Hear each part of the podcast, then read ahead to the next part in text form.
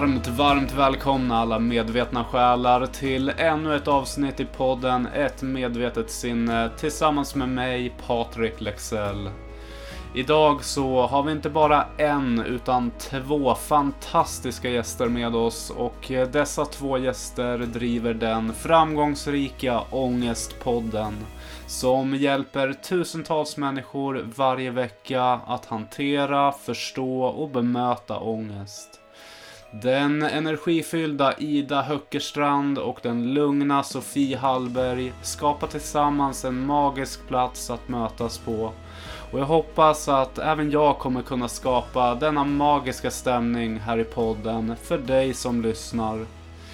Idag så kommer vi att eh, lära känna både Ida, Sofie och mig inom ämnet ångest. Där vi alla har och upplever någon form av ångest.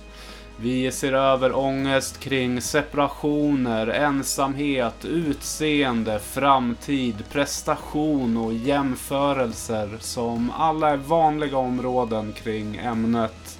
Och min förhoppning med detta samtal är att du som lyssnar ska bli mer medveten om ångestens betydelse, hur det känns att släppa taget och vad som gör att man kan hantera sin egen och andras ångest.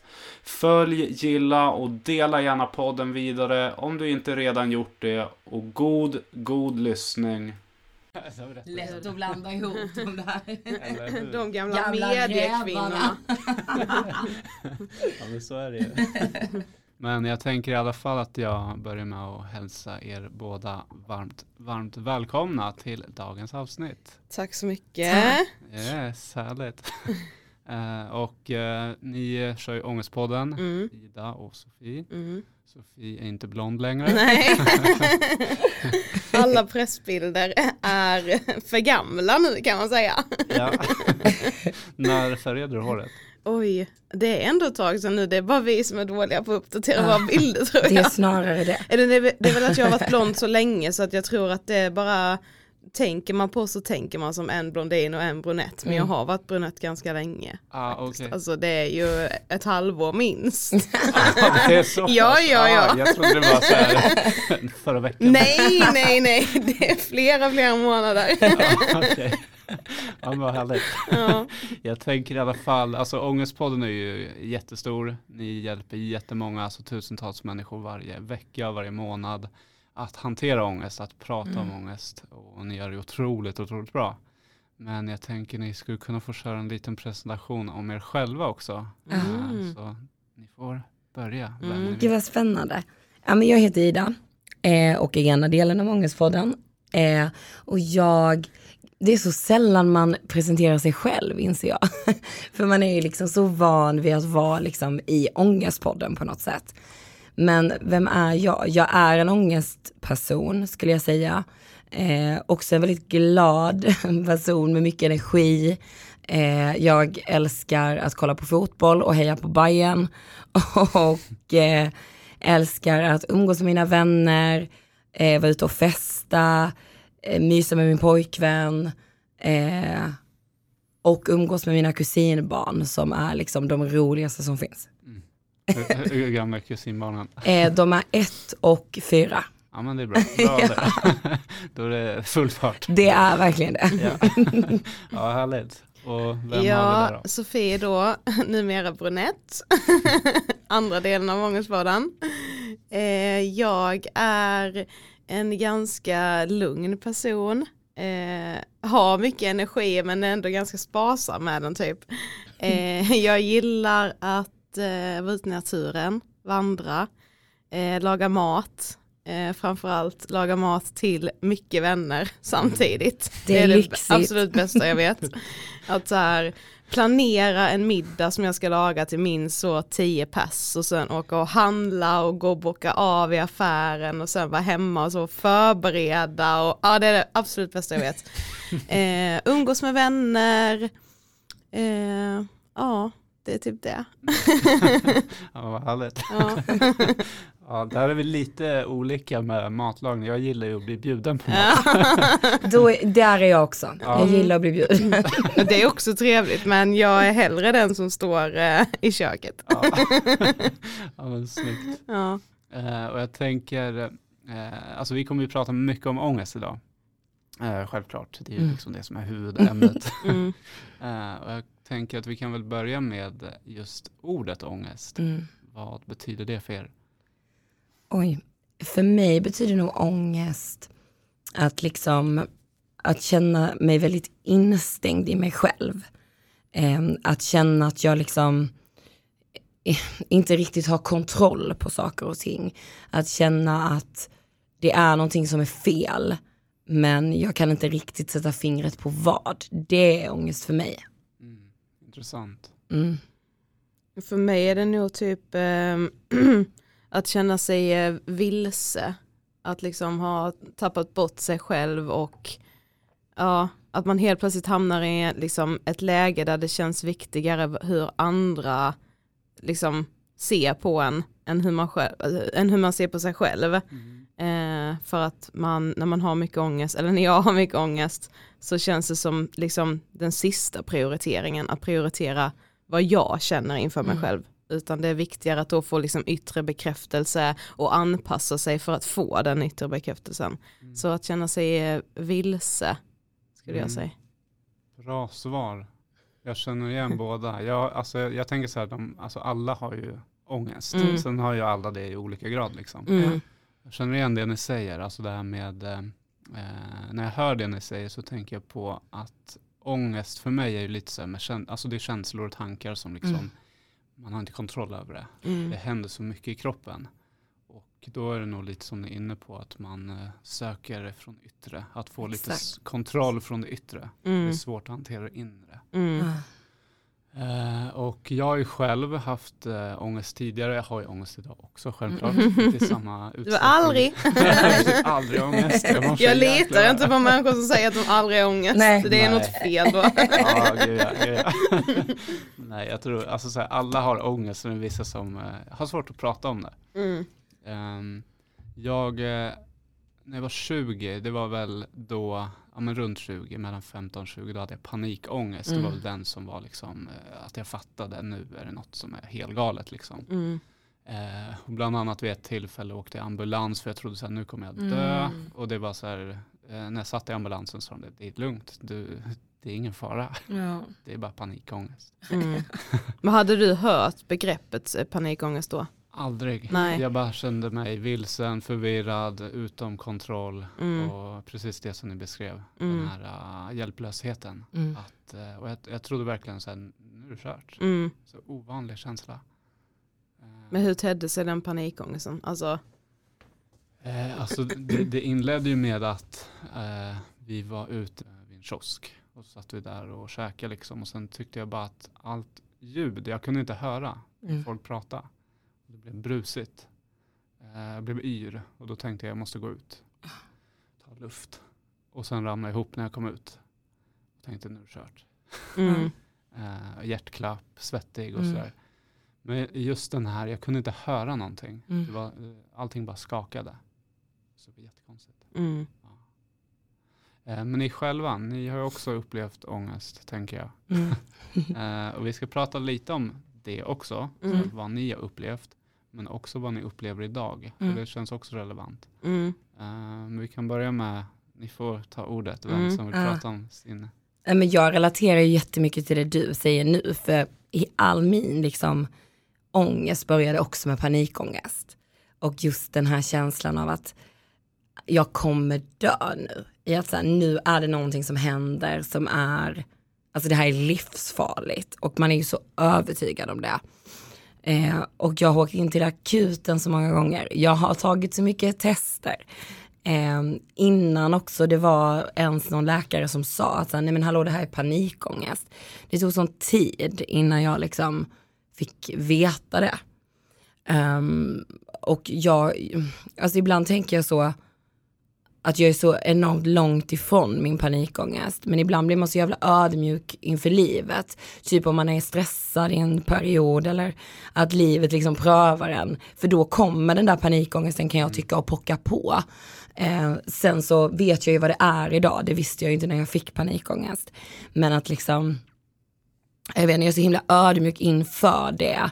Och inför alla som, som har kämpat med det och kämpar med de här ångestattackerna. För det är så fruktansvärt. Och det begränsar ju också en så mycket socialt. Eller det gjorde i alla fall det för mig.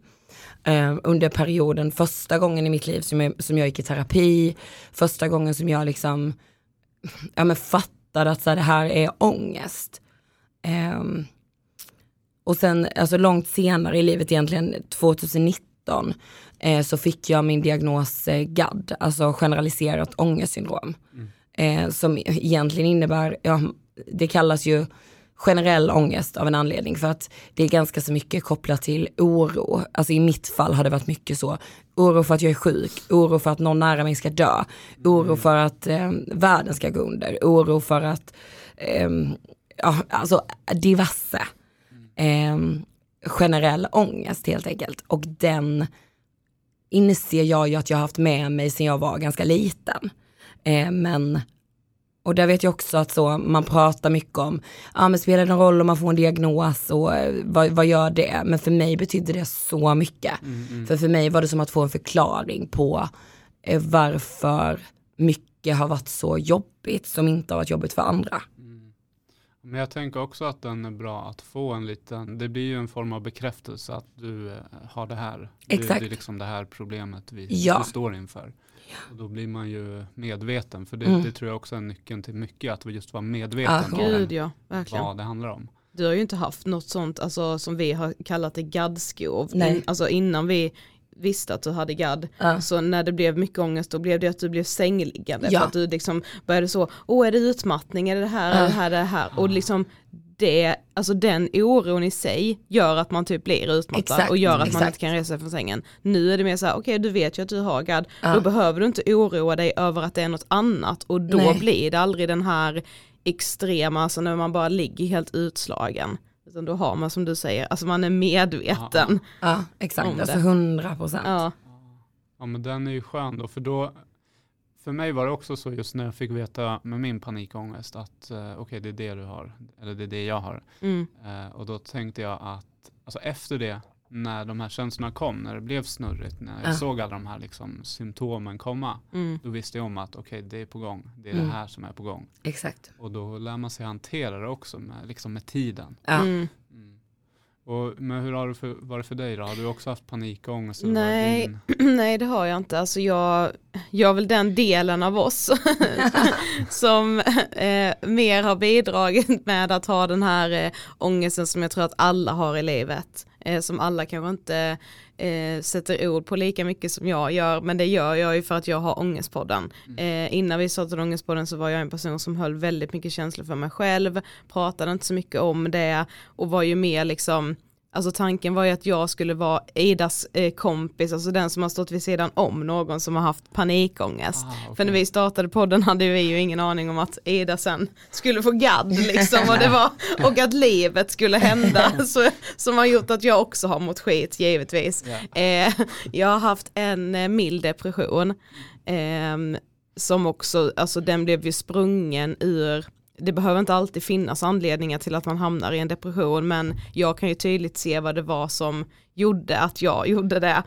Eh, och det var liksom mycket kopplat till, det var mycket eh, uppbrott, olika relationer som bröt upp samtidigt som betydde väldigt mycket för mig. Som blev, alltså det blev jätte, jättejobbigt. Ah, eh, så att eh, då gick jag i terapi ett tag, eh, internetterapi eh, och tyckte liksom att det hjälpte bra och blev väl bara liksom ja men läkt ur det, kom ut, det var liksom grönare på andra sidan. Eh, men eh, annars så har jag väl bara den här ångesten som som sagt så många kan ha.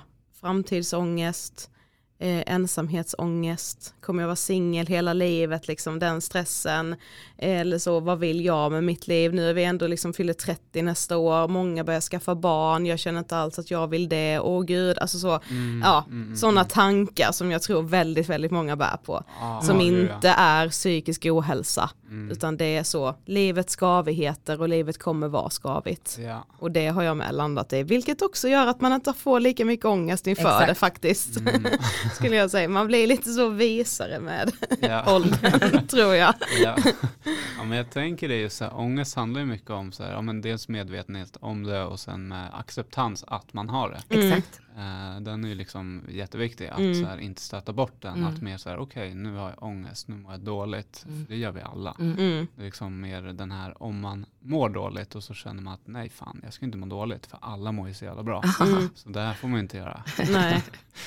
Och det, det är väl det som ni också har lyft med Ångestpodden, det här med att eh, den här tabun att prata om Mm. jobbiga känslor. Mm. Att det är så viktigt att göra det. Mm.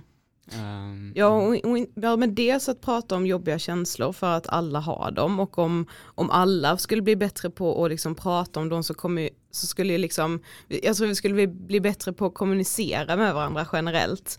Eh, och det skulle också göra mycket med alla våra relationer som vi har i, i vårt liv. Men jag tror också att det är viktigt att så här, eh, verkligen implementera det här med att vardagen är generellt ganska trist och det kommer vara det. Jag tror att många lever, alltså, och det låter så jävla mossigt och tråkigt att vara den som säger så.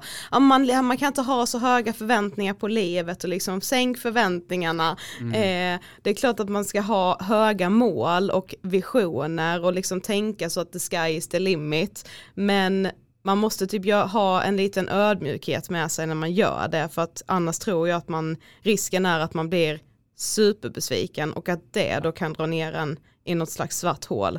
För att man blir liksom, man känner sig värdelös som inte har lyckats nå de där målen som de, den där influensen gjorde innan den hade fyllt 30 och var miljonär och liksom, alltså ja, det här med att liksom jämföra sig med alla andra lyckade personer och deras lyckliga liv och Ja. härliga liv där allt det händer saker hela tiden. Alltså, även om jag är medveten om det så behöver jag ju påminna mig själv om det också. Exakt. Och det tror jag alla behöver göra. Eh, även om man så är vuxen och vet att Instagram inte är hela sanningen så får ju ändå den jävla appen mig att Ja, ja. tro att det är sanningen. 100%. Ja, ja, visst. Och sen får man ju lite, alltså för min del kan det ju vara också så här just med sociala medier och så, eller eh, eller ja, det är inte så för mig med grannar, men många har ju så också så här om man så här, det finns något så här, grannen köper ny gräsklippare, Ja, man göra exakt. Mm, Man Exakt. jämför sig hela tiden. Ja. precis. Eh, jag har ju typ, eh, jag har kollat mycket båtar senaste tiden. Ja. Och då blir det så här, ja, jag har inte råd med den här stora feta lyxbåten. Nej, exakt. Men samtidigt så är det någonstans drömmen att ha en riktigt schysst båt. Mm. Och då handlar det nog mer för mig om att så här, men okej, vad har jag råd med nu? Och då kan det vara en roddbåt. Alltså, och, Mm. Och uppskatta det. Att Mm. så här, fan det här är nice också. Man kan ju fortfarande vara ute och klucka på havet liksom. Ja, exakt. Jag förstår den känslan. Mm. och jag tror att det är också det som är viktigt med när man hela tiden jämförs med andra om Mm. hur bra det är. Att faktiskt se på att ja, men uppskatta det lilla. Mm. Eh, och den, hur, hur ser ni på den delen med att just så här, uppskatta det lilla? Hur gör man det? Åh gud, jag tror, dels så, tror jag att det är så viktigt att kunna göra det. Men det är ju typ som att vi har lärt oss att så, alltså, eh, jag vill inte säga att vi har lärt oss att inte göra det, men det känns som att vi har lärt oss att så här, men ska du vara nöjd och glad och stolt, då måste det vara något så jättestort som har hänt. Du måste ha blivit befordrad, du måste ha fått nytt jobb. Men att så här, de här små vinsterna, det känns som att vi har blivit lärda att de bara ska komma och att det är självklart. Och det tror jag är jättefarligt. Att liksom bara så gå upp på morgonen och vara tacksam för att man är frisk. Alltså ibland när jag kommer på det då blir jag så, alltså då kan jag ju så känna en så tacksamhetskänsla att jag bara gud alltså det är fan religiöst det här. Nej, men kan alltså, du det? Ja det kan jag. Alltså För det 100%, kan inte jag. 100% för att gå upp och, och, och känna så, jag är frisk. Ja. Och alltså det här kanske händer en gång på två veckor. Men alltså det är inte så att det händer mig varje dag. Men när jag känner det, för det sjuka är att jag kände det typ i lördags. Ehm, Jo men då är det också för att du har varit sjuk ja, nu länge. det hör ni på min röst. Om jag är väldigt hes så, så det känns som en då, sån då, sak. då kände du att nu är jag äntligen frisk. Ja, Nej det men för, för, för att vara ärlig, det känns som en sån sak som alla säger så, åh skriv tacksamhetsdagbok och man ska vara tacksam och yadi yadi, men är man verkligen det? Alltså känner man verkligen? Nej men det är det jag säger, att så här, vad- hur kan jag bara känna det en gång på 14 Ja, dagar? men jag känner aldrig så till jag du, har vardagssaker. all, du, du, du måste ju ha känt någon gång att du är tacksam för att så shit jag är frisk. Alltså ja, du det, hör om ja någon det i är din klart, ålder som har ja fått ett det är klart, men bara eller? så om jag vaknar en helt vanlig tisdag och bara så går upp, nej då är inte min första tanke att åh vad skönt att jag har en frisk tisdag framför mig. Inte min heller. Absolut vad, inte. vad är första tanken? Åh, fan vad det hade varit gött att ligga Ja, kvar i sängen. Jag är Alltså, så jävla trött. ja. Jag kände så i morse, ni vet, Jag med. när jag vaknade Men vi hade valvaka igår så jag är Ja. skittrött idag. Var du uppe och såg hela? Ja. Ja, eller? det var, Oh, shit, nej men kan jag få ko- koppla andningen till det här med? Ja, Alltså, ja, ja. ja, och jag tror att, typ så här att man behöver påminna varandra, för det tycker jag ändå att vi kan göra ibland. Vi har haft så perioder där vi liksom inte har firat någonting, där vi inte har varit så här, åh nu går ju, går ju det här jättebra, eller shit det här blev som vi hade tänkt oss, eller eh, vi vågade göra det här, det gick åt helvete men vi vågade. Alltså, vi hade ju typ tre år där vi inte firade någonting. Men så var det ändå som att, för det har vi faktiskt blivit bättre på. Och det är ju också den här lilla, lilla tacksamheten och då kan det verkligen vara att vi firar ett så, vi tog det här samtalet som vi tyckte var jättejobbigt eller, alltså att försöka göra sådana saker. Och det behöver man ju typ säga högt, alltså man behöver ju typ ha en överenskommelse med en vän eller kollega eller någonting. För att bara göra det själv, ja men som jag säger, jag, det, jag, kan, bli, jag kan slås av att jag är frisk typ så. En gång på 14 dagar. Men det är ganska jävla lite och att, alltså så, jag borde vara mer tacksam i mitt liv än det. Ehm, Om jag tänker typ att, alltså, att jag har närmst till tacksamhet när, när jag har blivit satt i liksom, eh, situationer, om man ska säga, där man lite tvingas till det. Alltså jag tänker typ så här, men i pandemin, då var det lätt att tänka att man var tacksam över att ens föräldrar inte hade blivit sjuk till exempel för att man var så orolig för dem eller Mm, att så här, ja men gud vad glad jag ändå är att jag har ett jobb som jag fortfarande kan leva på trots Ja. att det, alltså så att, att Ja.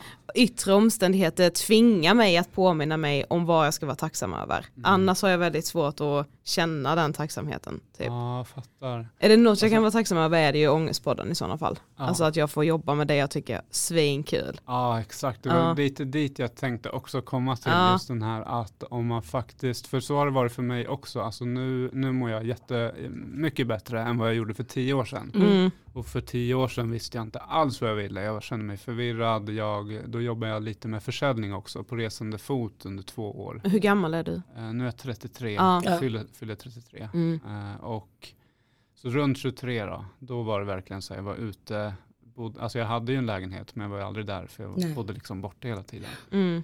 Och kände så här, vart är jag på väg någonstans? Eh, och, och någonstans i det så tillät jag mig själv att så här, okej jag är lite förvirrad.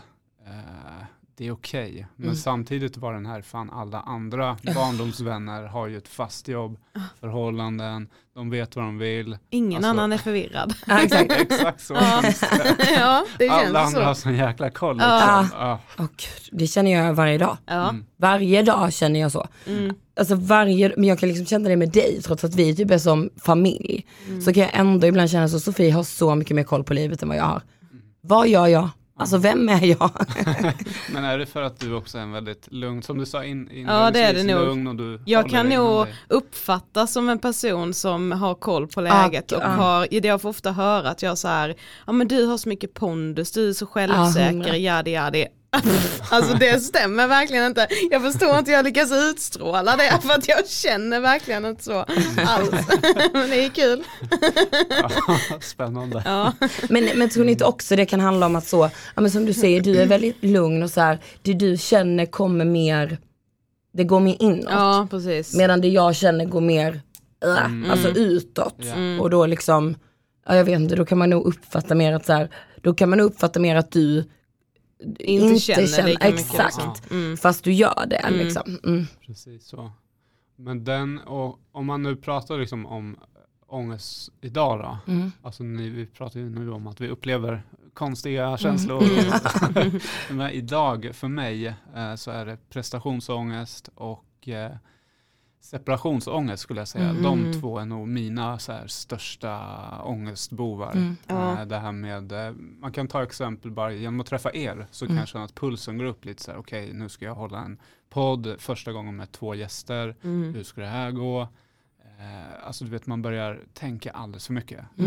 Och man bara, okej andas, det är lugnt. Vad som- Men kan din panikångest bli triggad av det? Alltså när du, då börjar det ändå bli så, men om pulsen går upp, börjar du då tänka att så här, tänk så blir det panikångest eller är du ändå liksom, alltså så här, Eh, du är inte rädd för panikångest längre eller? Nej, eh, alltså jag känner att den kommer nog inte komma. Mm. Eh, Mm. Just för att jag har lärt mig så mycket med andningen. Det är liksom grunden för mig. Att Ja. så, här, så fort jag känner att det börjar bli för höga varv och för, för mycket hjärtslag och sådär, då tar jag ett djupt andetag Ja. och så blundar jag. Och så tar jag bort liksom allt annat runt omkring. Och då lugnar det sig. Mm. Och så tänker jag så här, det som händer det händer. Och det som händer det är meningen. Liksom. Mm. Mm. Eh, Så om det blir kaos, då är det meningen. Så, Då ja. hade vi kunnat prata om den ångesten. Ja. Mm. ja. Men vad upplever ni med så här, vad, vad är er vanligaste liksom, ångest idag? Oj. Men jag tycker det är så fint att du säger det här också, alltså just att man så, ja men att du ska hålla en intervju med oss och så går det också så bra. Alltså här, vi sitter ju här och det bara flyter och det är liksom du Mm. som håller i trådarna. Jag tycker det är så fett. Eh, nej men för mig tror jag det är mm, jävligt mycket framtid. Eh, alltså, alltså, jag, alltså så livssituation som jag kan ha ångest för. Vilket också jag kan typ äcklas av mig själv för att jag är så, men snälla människa, du har liksom tak över huvudet, mat på bordet. Vad, vad håller du på med? Men så börjar man ju då jämföra sig med andra och så här, ja men jag och min kille har distansrelationer, ah, när ska vi flytta ihop, ah, vill vi ha barn, hjälp jag är kvinna och 30, hur länge till kan jag få barn? Ska jag alltså- frysa in mina ägg? ja men ty, den ganska så typiska, eh, ganska typiska ångesten för att vara kvinna 30, tror jag. Mm. Eh, men också så, ja, fast det mesta är fan kopplat till framtid. Prestationsångest känner jag igen jättemycket, Mm. jämför mig med andra, eh, fokusera för ofta på saker jag inte har lyckats med eh, istället för saker jag har lyckats med. Mm. Eh, Det här med jämförelser då, alltså, det är liksom den som är nyckeln till din ångest också? Eller? Ja, att du det jämför tror jag. väldigt mycket. ja. Vad händer om du tar bort den? ja, då skulle jag ha betydligt mycket mindre ångest. Har du, har du mer koll då, liksom, det här är det jag faktiskt vill? Ja, Ja. exakt. Då skulle jag ha mycket mer koll. Då skulle jag inte ens vara stressad över barn, för jag vill inte ha barn just Ja. nu. Ja. Men jag är så här, ah, samhället eh, förväntas ju att jag lever ju i en parrelation, då ska väl jag ha barn och det ska jag väl vilja för jag är kvinna och vi ska väl längta efter barn typ. Eh, och så kan jag vara så, ah, men jag vill nog ha barn någon gång. men så är jag så, ah, samhället, och det vet jag också att jag har så många tjejkompisar som har sagt när de, att de, de har nästan skaffat barn för att de har så här, ja det ska jag väl.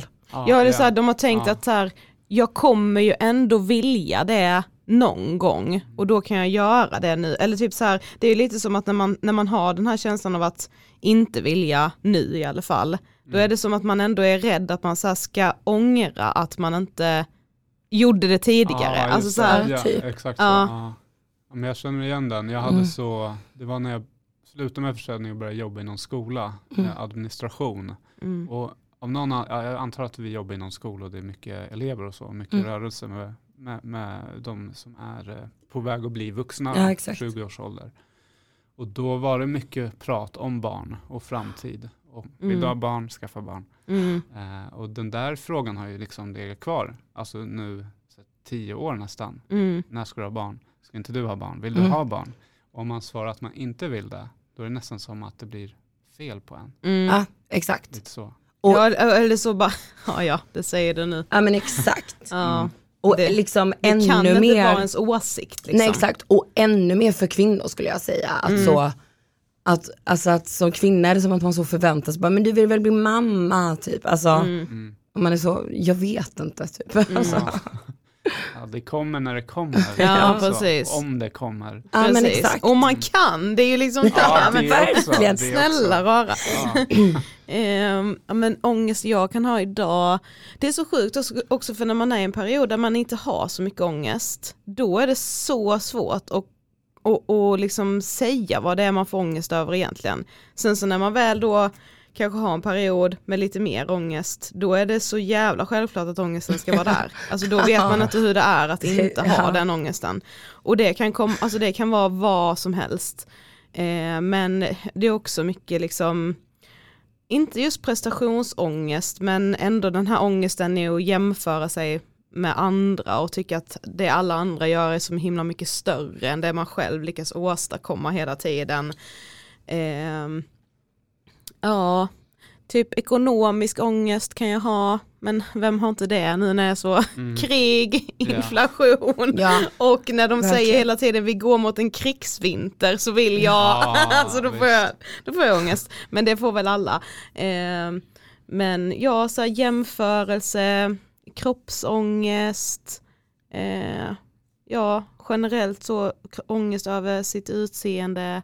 Mm. Ehm, ja, Ja, men det känns som, ja, det är det som just med ångest, att det kan vara så många olika delar också. Mm. Eh, och kul att du nämner det här med just att alltså inflation och krig och det här. Ja. Vi, vi går mot en vinter. Jag hörde någon sa att man ska spara typ 25-50 tusen till vintern.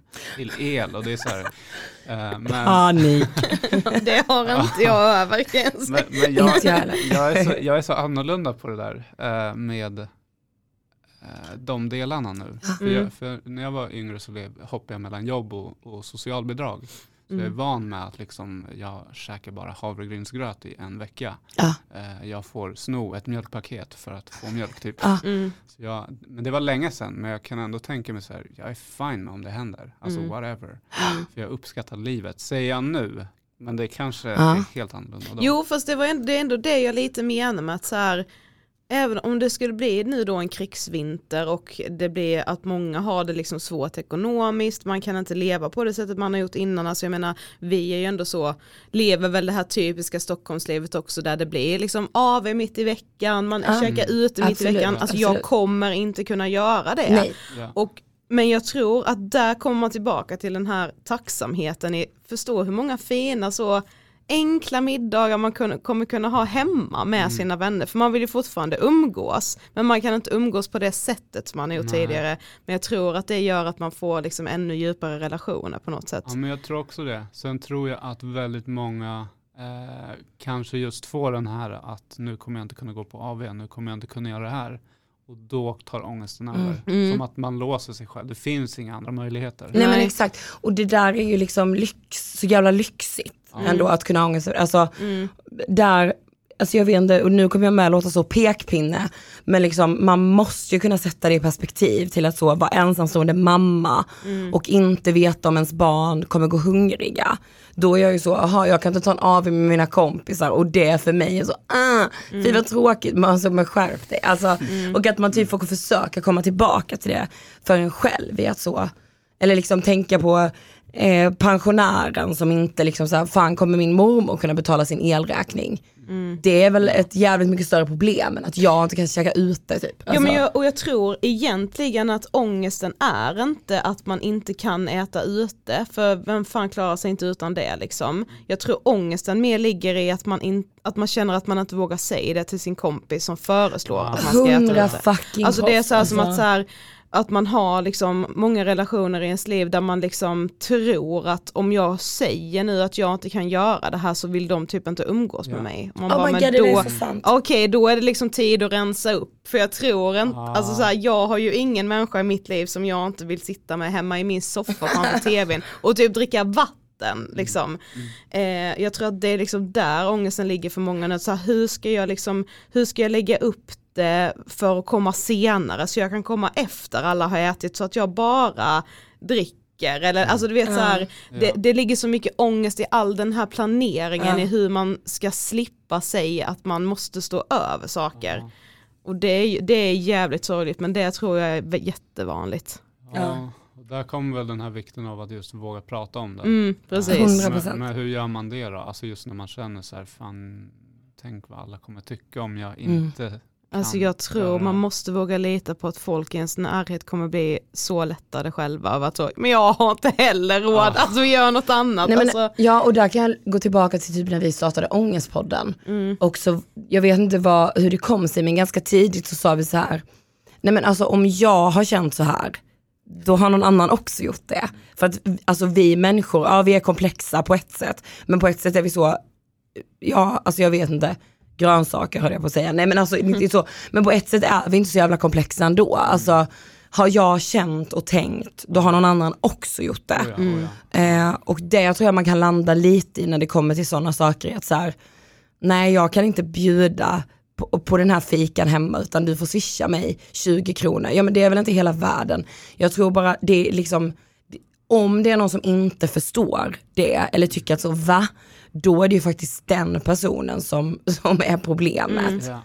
Eh, och inte en själv som bara säger men jag, jag, varje krona är viktig nu eller liksom, mm. ja. Ja, jag tänker typ med alltså de, liksom, de finaste relationerna man har i sitt liv, eller i alla fall om jag tänker på mina, det är ju liksom de relationer jag har fått där man liksom har mötts i någonting som är dåligt. Alltså Ja. en, en jobbig känsla eller en jobbig upplevelse eller att man så sitter och pratar om någonting som man har varit med om som har bidragit till mycket ångest eller att man har mått piss och så kan den andra relatera. Alltså det är det är ju så man hittar varandra på djupet. Ja, ja. Man kan ju klicka jävligt bra med folk liksom och ha så här ytliga vänskaper där allting är frid och fröjd men de riktiga relationerna som jag tror är varaktiga och som betyder väldigt mycket för en det är ju de där man liksom visar sig sårbara för varandra Mm. hur klyschigt det 100%. än låter.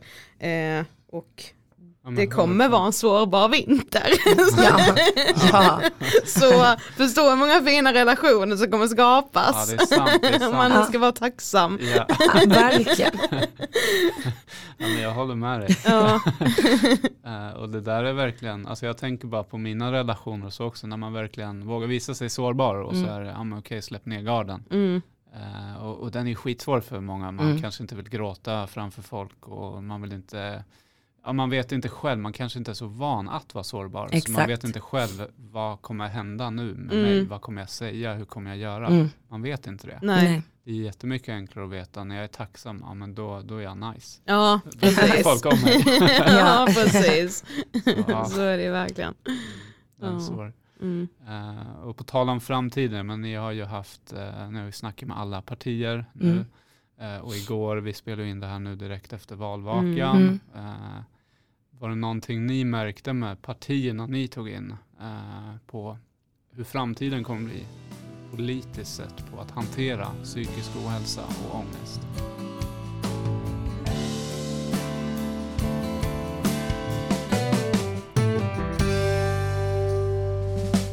Stort tack för att du har varit med i detta fantastiskt öppna avsnitt med mig, Ida och Sofie. Om du gillade det här avsnittet så får du mer än gärna höra av dig till någon av oss samt följa, gilla och dela i dina kanaler för att också hjälpa oss att synliggöra podden för andra. I nästa veckas avsnitt så kommer vi bland annat att se över den psykiska ohälsan inom skola och ungdomar, hur politiker och samhället ska kunna få bukt på samhällsproblemet, samt generationskrocken mellan vuxna och yngre, där vuxna inte har växt upp på samma sätt att prata öppet om sina känslor och tankar. Vi kommer även att se över olika val i livet och vad som är rätt beslut i ett tankekrig. Samt hur man kan släppa på kontrollen. Allt inom ämnet ångest. Till nästa gång, tro på dig själv, lita på dig själv och var dig själv.